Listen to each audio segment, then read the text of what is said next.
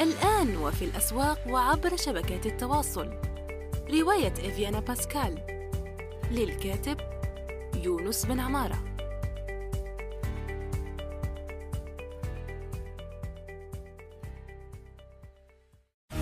يونس توك خلاصة قراءات وتجارب في ميدان الترجمة والكتابة وصناعة المحتوى. تأتيكم أسبوعيا في قالب مميز وشيق يقدمها الكاتب والمترجم يونس بن عمارة.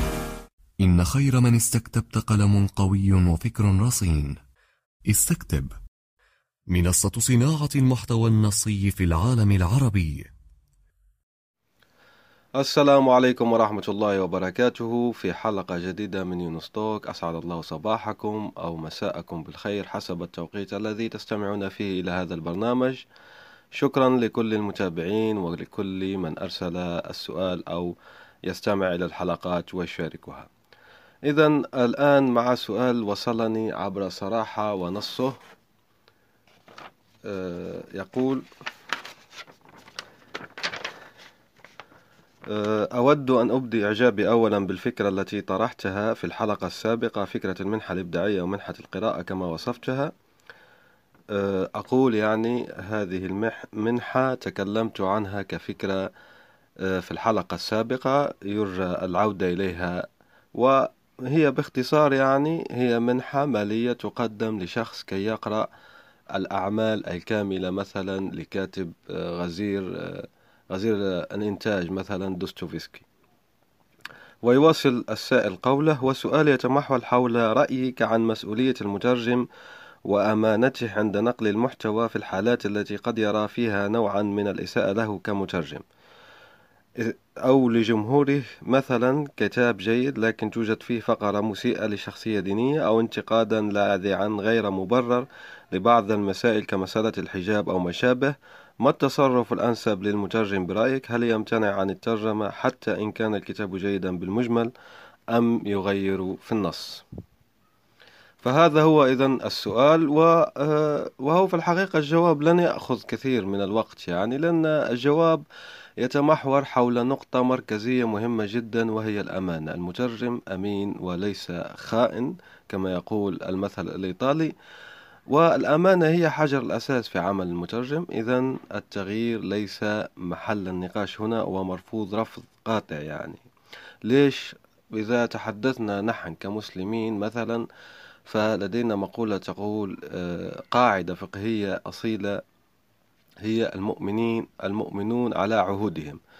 والعهد هنا للمترجم هو أن تنقل آه، المعنى واللفظ كما قاله آه، أو كما كتبه آه، مؤلفه.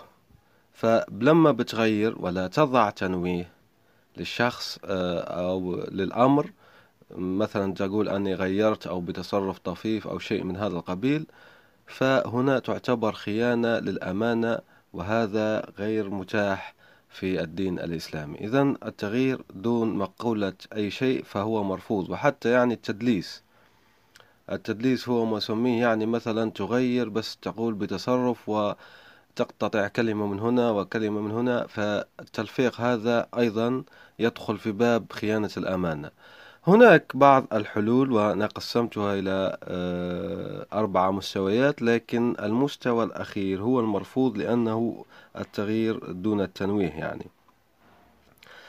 آه، الحل الأول هو لما بيجيك عمل يناقض مبادئك يناقض عقيدتك يناقض طائفتك يناقض مبدأك من حقك الكامل أن ترفض. يعني الرفض الرفض خير من التعديل.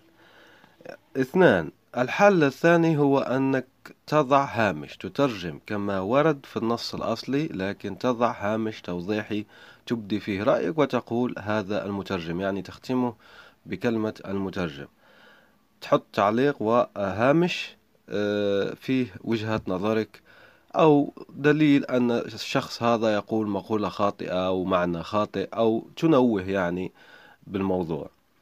الحل الثالث هو فيه الحذف يعني بتحذف الشيء الذي مثلا لما بتوصل الفقرة المسيئة بالضبط تحذفها كلها لكن تضع معقوفين وفيه داخله ثلاثة نقاط. المعقوفين داخله ثلاث نقاط فيه علامة نجمة تعمل علامة نجمة تشير أنك حذفت هذه المقولة لأنها تناقض مبادئك وهي موجودة في النص الأصلي. أيضا لما بيكون لديك يعني مثلا أنت بتؤمن بخدش الحياة ومعايير معينة مثلا آه، كتاب موجه للأطفال موجه للناشئة أو شيء من هذا القبيل بتصلح فيه هذا الحل آه، الذي قلناه الثالث. يعني تحذف وتنوه أنك حذفت وأن النص الأصلي الكامل موجود في مكان ما تضع المرجع إليه. هذا الحل لا أحبذه جيدا جدا يعني لا أحبذه جدا وأفضل الحلين الأول والثاني هو إما الرفض أو التعل... وضع الأصل بس التعليق مع هامش. أه... نعيد الثالث لكي يعني نشرحه بشكل أفضل هو أنك تحذف لكن تضع معقوفين المعقوفين فيهم ثلاث نقاط وتضع هامش تقول أني حذفت نظرا لكذا وكذا حسب مبادئك والنص الأصلي يتواجد آه، في المكان الفلاني. ولا يحق لك أن تقول مثلا ترجمت بتصرف وخلص لا أقول أني حذفت أو ما حذفت كذا هذا ليس من باب الأمانة العلمية. الحل الرابع وهو التعديل كما أشار السائل الكريم أو السائلة الكريمة في قولها ولا أفضله لأن التعديل هو في الحقيقة تحريف. وهذا الذي ابتلي به الكتب السابقة حسب مقولة الكثير يعني من الباحثين الغربيين هو أن التعديل إشكالية كبرى يعني بتعدل فنقع هنا في التحريف. لذلك التعديل لغير يعني فيه خيانة للأمانة بأنك تقول تقول المؤلف الأصلي ما لم يقل. فهذا هو الجواب في الحقيقة. يعني الآن وصلنا إلى ستة دقائق وأربعة وعشرون ثانية فجاء فأجبناه. يعني أجبنا السؤال كيف تتعامل؟ هناك أربع مستويات. أولها الرفض رفض العمل. اثنان التعليق بهامش أو يعني بتضع تعليق أو هامش. بتخلي المقولة كما هي بس بتضع توضيح أو تعليق في هامش. الثالث قلنا يعني آه، الحذف مع التنويه تحذف المقولة التي تسوي لك لكن تنوه أنك حذفتها وأنها موجودة في مكان ما. وهذا كما يقال بيجيك واحد ونحن في عصر كشف فيه كل بس أكيد صح نحن في عصر كشف فيه كشف كل شيء يعني وبتلاقي الأشياء والنصوص الكاملة في مكان آخر لكن كما نوهت هذا بيصلح للناشئة والكتب المخصصة لأعمار معينة. ثم يأتي التعديل والذي نرفضه لأنه منافي للأمانة. لكن سوف نستغل يعني بما أني سجلت سجلت سوف نستغل آه هذه الحلقة. إذا بعد أن أجبنا السؤال السؤال السائل أو السائلة الكريمة يعني الذي التي طرحت أو طرح السؤال بارك الله فيه. آه هذه الأيام أنا أقرأ يعني وجدت مقولة ممتازة لشخص غربي بس نسيت للأسف اسمه وهي تقول أن التزامك بالمبادئ طيلة الوقت أوفر لك أو أريح لك أو يعني أفضل لك من الالتزام بها بعض الوقت. يعني لما بتكون لديك مبادئ أنت بتلتزم بها معظم الوقت مش آه كل الوقت عفوا طيلة الوقت هي أوفر لك نفسيا وماليا واجتماعيا من أنك تلتزم يعني بمبادئك مرة تلتزم بها أو مرة يلتزم بها مرة بتخفف. كما نقول نحن هنا مثلا في وادي سوف ديننا واسع يعني دينه إذا اعتبرنا الدين ثوب فهو فضفاض يعني بيدخل فيه هذا ويدخل فيه هذا. لا فالالتزام بالمبادئ طيلة الوقت أوفر لك من الالتزام بالمبادئ بعض الوقت. ليش؟ في عملك مثلا لنأخذ مثال عملي في عملك كمترجم يعني. لما بيكون لديك مبادئ واضحة وبتنتشر بعد مدة من يعني بتنتشر كيف؟ بعد تعاملك مع العملاء بيعرفوا أنك تترجم هذا النوع وهذا النوع لا تترجمه وهذا المجال تترجمه وهذا المجال لا تترجمه. حتى لو المجال يعني لم يخالف مبادئك بس هو لا ينتمي لمهاراتك أو أنت لا ترغب فيه يعني. فهذا بيخلي بيجيك يعني العملاء بعد مدة بيجيك العملاء اللي انت متوافق مع مبدأ تبعهم مبدأ تبعك مبادئ الخاصة بك يعني خاصتك متوافقة مع المبادئ. فهذا أوفر لك يعني نفسيا بيكون ضميرك مرتاح وماديا أنت لديك عملائك في هذا المجال. لأنهم ينتمون يعني إلى الفئة التي تؤمن بنفس المبادئ التي تؤمن بها. والحمد لله نحن لدينا يعني دول عربية وإسلامية كثيرة جدا جدا والمجال يعني ترجمة التي توافق مع مبادئك سوق واسع جدا جدا. أه بس خلينا بنحكي أيضا عن موضوع آخر وهو مثلا أه هناك أيضا مجال بنترجم فيه شيء مخالف للمبادئ لكن مريح للضمير. كيف هذا؟ كيف؟ في الآونة الأخيرة بعد الهجمات يعني هذا في وجهة نظري نحن كمسلمين طبعا. لأني لا أحب أن آه، أخلي هذا البودكاست يعني يدافع عن المسلمين أو يكون ديني أو شيء من هذا القبيل لكن أتكلم يعني بموضوعية وحيادية. مجموعة المسلمين يعتقدون أن هناك هجمة كبيرة جدا من الملحدين وأصحاب الأفكار العلمانية فظهرت في الآونة الأخيرة بعض المراكز آه، مكافحة يعني هذه الشبهات و آه، مكاف... آه، صيانة تحسين العقائد الإسلامية وما إلى ذلك. وهذه المراكز تبذل عمل مشكور طبعا من وجهة نظر المسلمين مشكور وتترجم عدة كتب من ذات الرأي المخالف لترد عليه. من بين هذه المراكز مركز براهين ومركز دلائل السعودي. بارك الله في الخائمين عليهم. فإذا هؤلاء لما لما أنت نفرض وأنت مثلا مترجم وأنت مترجم بدوام كامل أو جزئي معهم فأنت حصرا يعني قطعا مش حصرا فأنت قطعا يعني حتما راح تترجم كلمات مخالفة. فمثلا مركز دلائل ففي الكثير جدا من كتبه تحدث عن قضية الحجاب. هذه ورد عليها وما إلى ذلك وبقلم دكتورات يعني آه، أستاذات فاضلات لديها الدكتوراه في مجال تخصصها. فما في مشكل يعني أنت قطعا سوف تترجم المخالف وهن يرد هن أو هم المؤلفون يعني الأكارم يردون عن هذا الموضوع. فهذا أعطيتك يعني احتمال كيف أنت بتترجم أشياء تخالف مبادئك وتخالف عقيدتك في نفس الوقت شرعية تماما. فهذا مجرد نموذج يعني والنموذج هذا باختصار هو أنك تعمل في مركز من مراكز مكافحة الشبهات أو تحسين العقائد الإسلامية أو الدفاع مثلا عن التراث واللغة العربية أو شيء من هذا القبيل. فهذا مثال. هو موجود أمثلة أخرى لا أعرفها أنا شخصيا بس أعطيتك مثال لكي توسع أفق وأنه مش معنى أن كل ما خالف عقيدتنا نترجمه وما في شغل يعني فيه بيكون تترجم عقائد آخرين ويكون شرعي في نفس الوقت؟ لا في. وأعطيت مثال.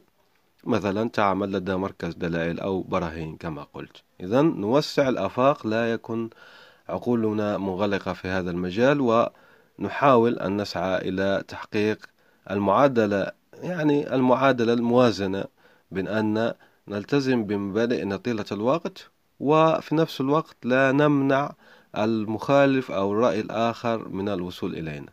وهذا له سبب آخر ليش؟ لأني كما أسلفت من قبل ما دمنا نحن في عصر انفتح فيه كل شيء لو لم تترجم له هذه الأفكار وترد عليها بلطف وأدب وعقلانية تامة دون الاستناد إلى عقيدتك الدينية يعني بالعقل وبالعقل فالشاب الشباب العربي والمسلم بيطلع عليها في أماكن أخرى وما أكثرها في هذا العصر وبتحصل له صدمة ثقافية. والصدمة الثقافية هذه بتفتح باب في المخ. فباب افتراضي طبعا مو نحكي باب حقيقي. بتفتح باب في المخ تتسلل إليه. فهو لما مثلا بيعرف أول مرة معلومة بيجيه مستشرق مثلا يقول له أنت بتعرف أن الحجر الأسود أخذ من الكعبة عشرون سنة. آه وكذا والقرامطة وما بيعرف شيء على القرامطة وما بيعرف شيء على الإسماعيلية وما بيعرف شيء على الحشاشين وما يعرف. فبتحدث له هذه معلومة بسيطة يعني أكيد أنها معروفة في على نطاق يعني واسع خاصة في عصر السوشيال ميديا بس في كثير جدا يعني من المعلومات. مثلا النبي صلى الله عليه وسلم كان من أسمائه يعني في بعض الروايات قثم وبعض الناس يقول لك يعني فيقول لك شو قثم وهناك بعض الناس يقولوا لك هذه قثم درسناها ووجدناها آلهة والإسلام يقتبس من غيره والسومريون كانت لديهم. يعني مثلا قصة الطوفان من من قبل التوراة وإلى آخره ويعني وجع رأس ومعلومات كبيرة جدا. فهذا الطوفان المعرفي وغيره يعني من الأفكار. لما بتجيه الشاب خاصة لما يكون غض أخضر كما يقال فبتحدث صدمة ثقافية تفتح باب في المخ تتسلل إليه الأفكار وممكن حتى يتابعهم ويتخلى عن دينه واللي هو عكس مرادنا نحن. يعني مثلا كمسلمين عكس مرادنا ولهذا أحيي مركز براهين ودلائل مع أن لدي بعض الملاحظات عن هذه المراكز بس عموما بشكل عام هم النموذج اللي تقدر تترجم فيه رأي المخالف ورأي العلمانية ورأي ما بعد الحداثة ورأي الفوضويين في نفس الوقت. تترجم آرائهم كاملة أمينة تماما وأنت تخدم شريعتك وحلال تماما وما في حتى مشاكل. كما قلت سأستغل هذه الفرصة لما دمنا أجبنا الآن عن السؤال والحمد لله.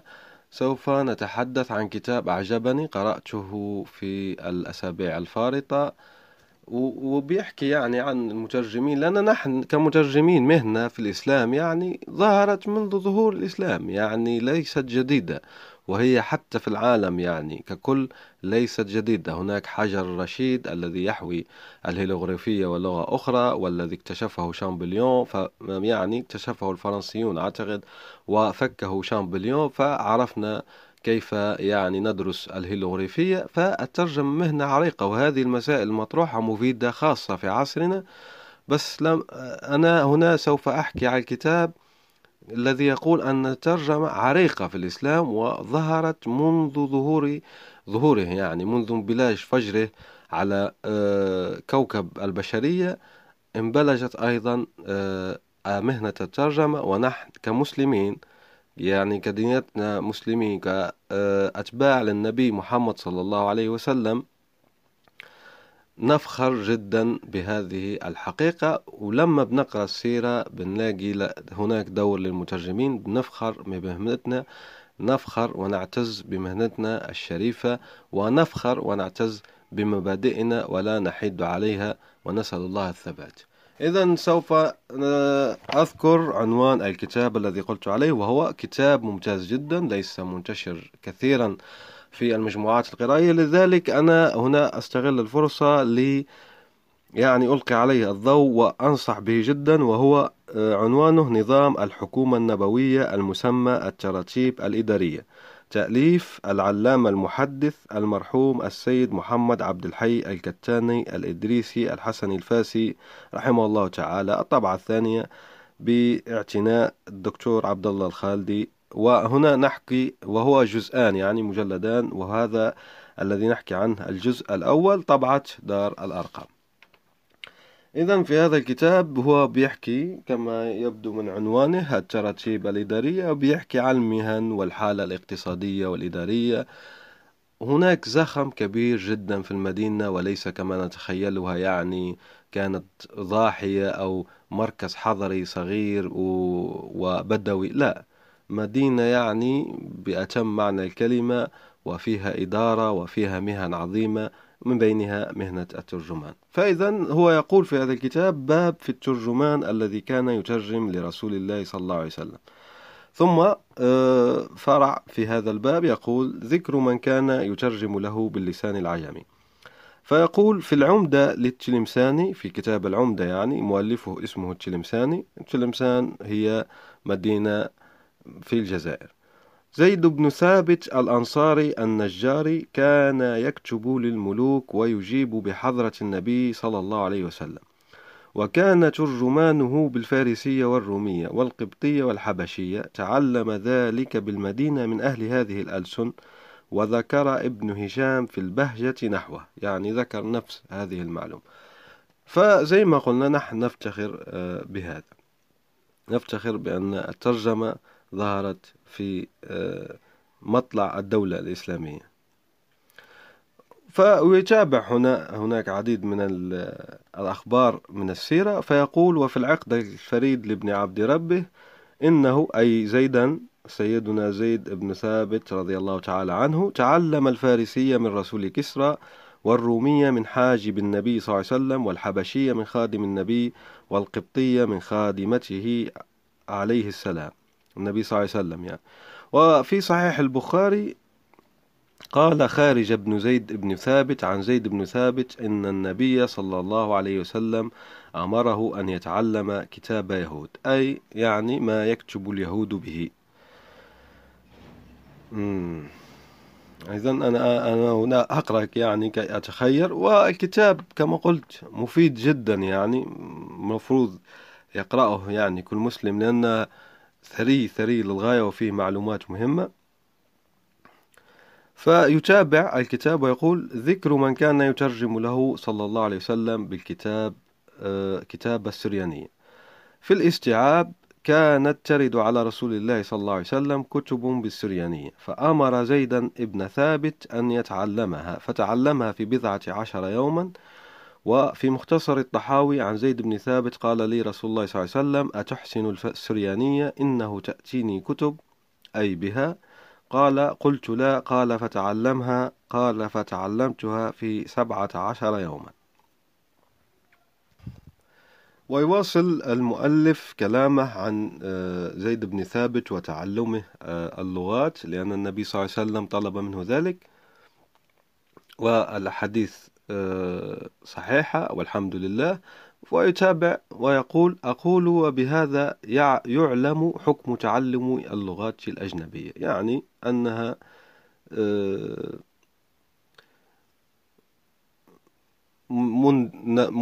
مندوبة يعني مندوبة يعني مستحسنة جدا لحفظ بيضة الدين وأيضا لمعرفة ماذا يقول الآخر و آه، لأنها لا غنى عنها يعني هي عنصر إداري لا غنى عنه لأي إدارة في العالم. وعلل النبي صلى الله عليه وسلم ذلك بقوله أنه قال لي رسول الله صلى الله عليه وسلم أي زيد بن ثابت إنه تأتيني كتب لا أحب أن يقرأها كل أحد فهل تستطيع أن تتعلم كتاب العبرانية أو قال السريانية؟ فقلت نعم فتعلمتها في سبعة عشر يوما. إذا هي في المستوى الأعلى تكون واجبة يعني أنك تتعلم اللغات وبالنسبة لباقي الناس يكون آه، تعلمها فرض كفاية. يتابع المؤلف ويقول طبعا هنا لا يجب أن تتقيد بأحكام الفقهية لأني لست مختصا في الفقه وهناك الفتاوى جاهزة وأهل العلم يعني أدرى بهذا الموضوع فتأخذ الحكم منهم بدقة أفضل. يعني هل هي مندوبة أو واجبة أو مستحسنة أو شيء من هذا والأكيد أنها ليست حرام وليست مكروهة. يعني هذا هو المؤكد في الموضوع.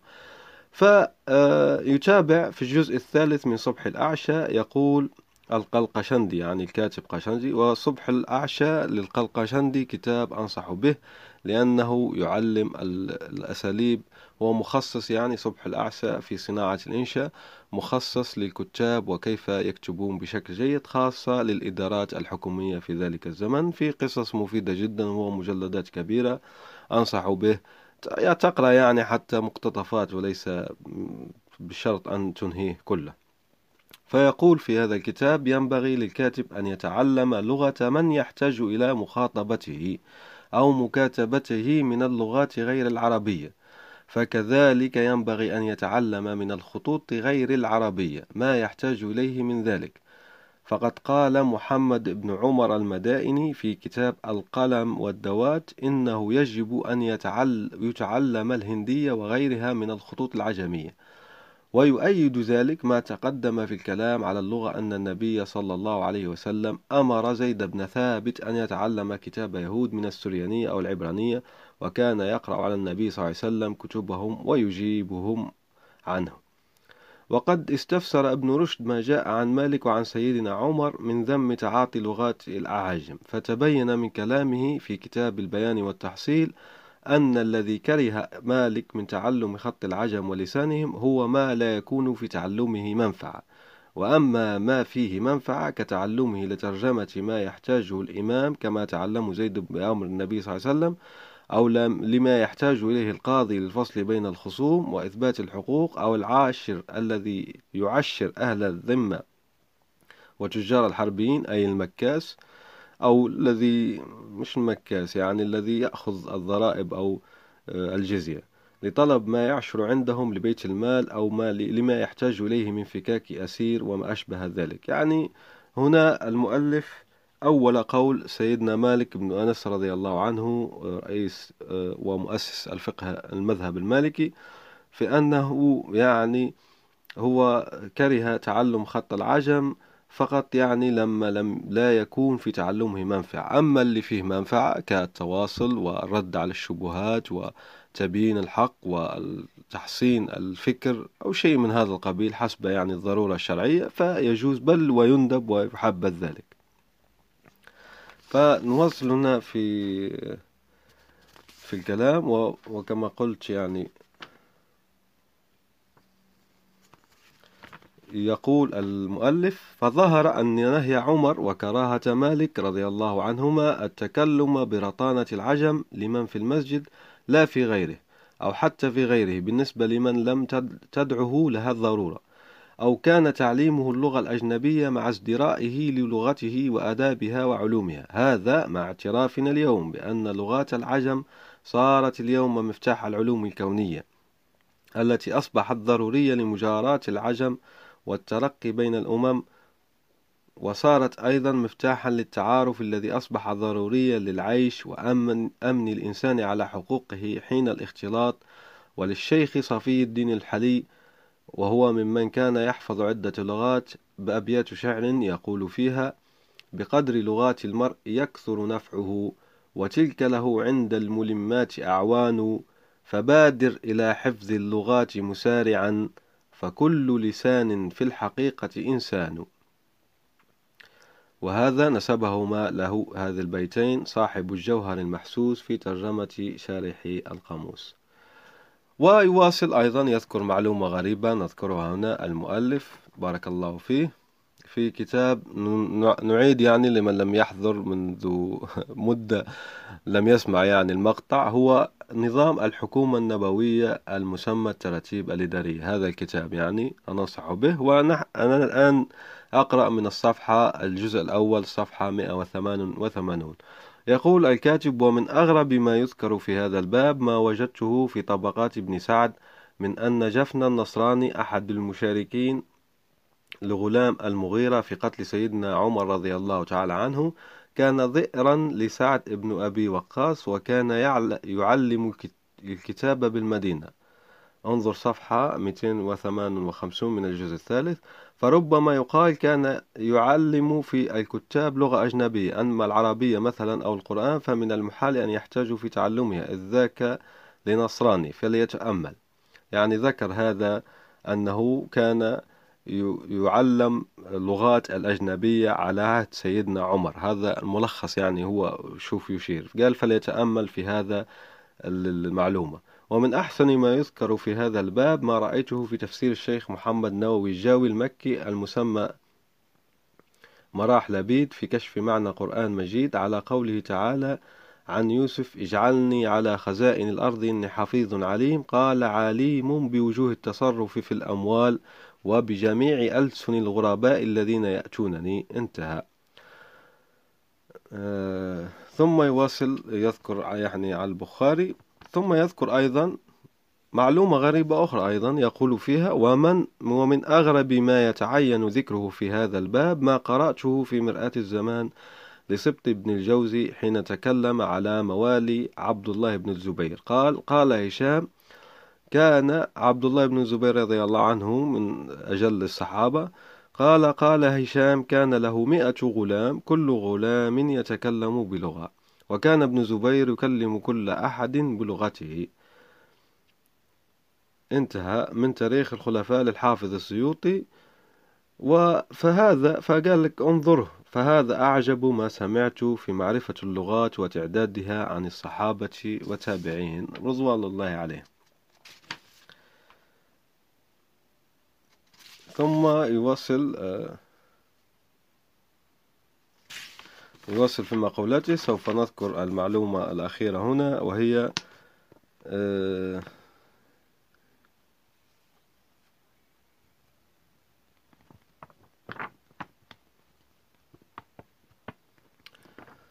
يعني هناك بعض الأحاديث التي تقول أن النبي صلى الله عليه وسلم تكلم بالفارسية.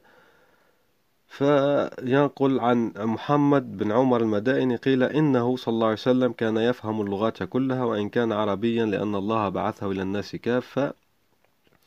فلما ساق بسنده لعكرمة قال سئل ابن عباس هل تكلم رسول الله صلى الله عليه وسلم بالفارسية؟ قال نعم دخل عليه سلمان فقال درست وسادته.